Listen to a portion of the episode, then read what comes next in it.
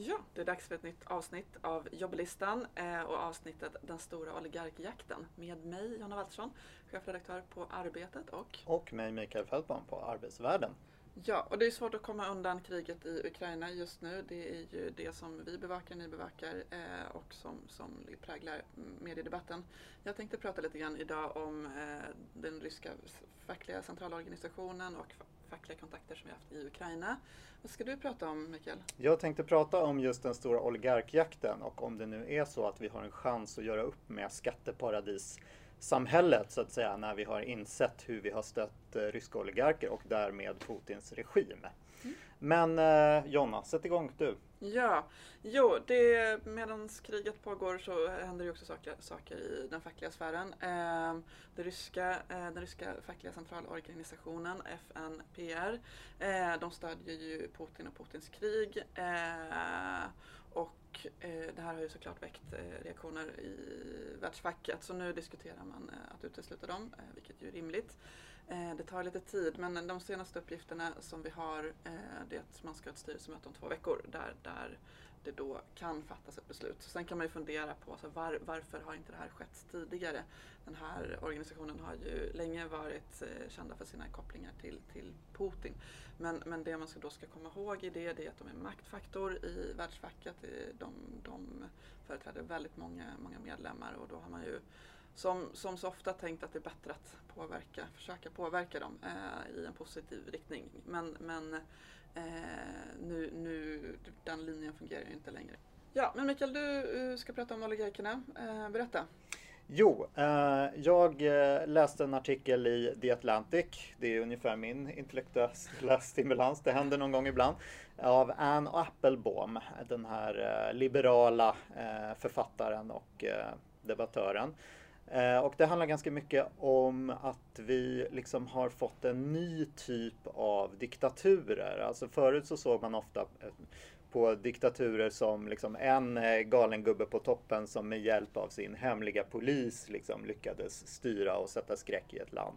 Men de menar att idag är det här ett mycket mer internationellt nätverk som handlar både om politiskt stöd där eh, liksom länder som Kina och så vidare, man kan söka stöd om man inte vill, om, om man liksom inte bryr sig om mänskliga rättigheter och så vidare, så finns det alltid uppbackare i form av Kina och Saudiarabien och den typen av länder där man kan få ekonomiskt stöd och det finns också ett eh, utbrett nätverk ofta av affärsmän då i de här länderna som liksom proppar upp regimen och som utgör maktbasen.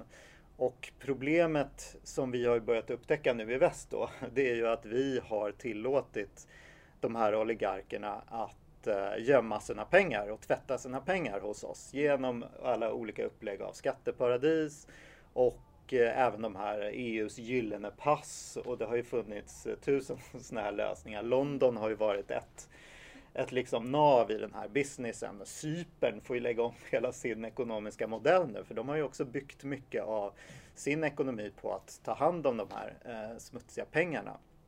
Så att säga. Och eh, jag läste, ja, Daron Acemoglu, den här eh, ekonomen, har ju skrivit lite om den här jakten på pengarna nu och att det liksom berör ju inte bara det här faktumet att vi har stött diktaturerna på det här sättet utan det man kan också ifrågasätta, har vi fått ut någonting då? Vi har ju gjort det här av en anledning och det är att vi har velat dra oss till oss det här kapitalet.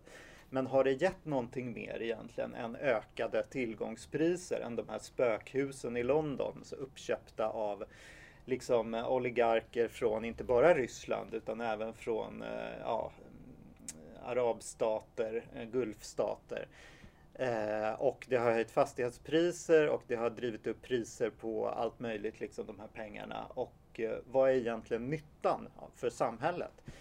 Och det här, kanske kan det här utgöra en sorts skifte i hur vi ser, ser på de här pengarna. Vi har ju liksom tillåtit inte bara eh, diktaturers affärsmän att gömma sina pengar utan även eh, västerländska eh, liksom, eh, kapitalister som har kommit undan. Eh, Gabriel Zuckman, den här ekonomen eh, i Paris, han bedömer ju att 8% ungefär av de finansiella tillgångarna i världen är gömda i skatteparadis. Så vi har ju verkligen en chans här att göra upp med den kulturen och eh, försöka få folk och företag att betala skatt igen. Det ska bli väldigt spännande att se om det kommer hända något på den här fronten.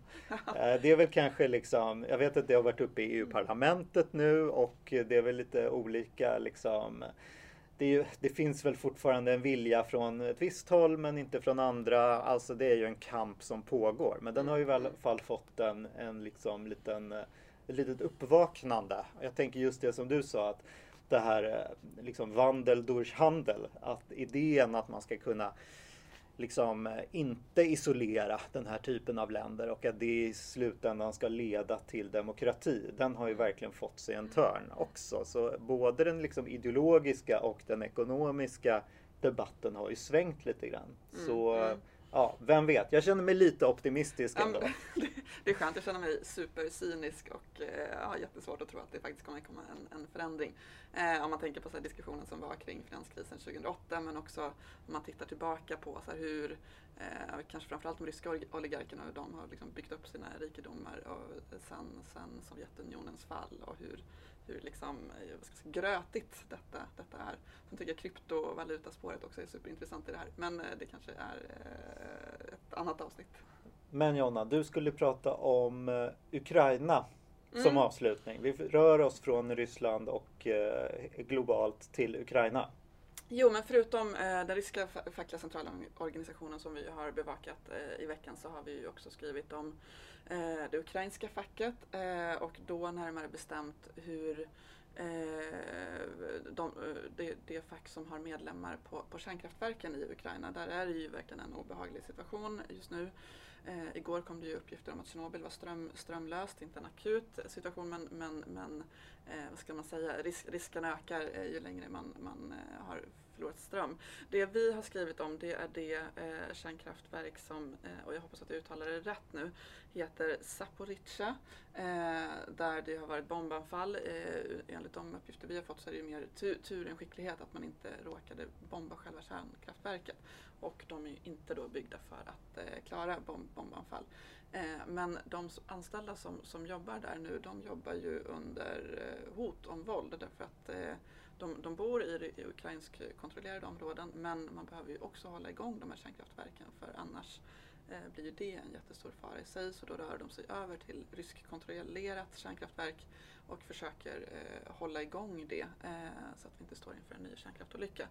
Eh, jag såg bara nu på morgonen så hade eh, atomenergiorganet eh, IAEA förlorat kontakten med det här kärnkraftverket. Så det är liksom det är väldigt obehagligt och Ja. ja, jag läste den där artikeln. Det var jättespännande om deras situation inne på kärnkraftverket där de jobbar nu under rysk kontroll men mm. de liksom fortsätter troget att utföra sina uppgifter såklart för ja. annars skulle det inte funka liksom. Mm.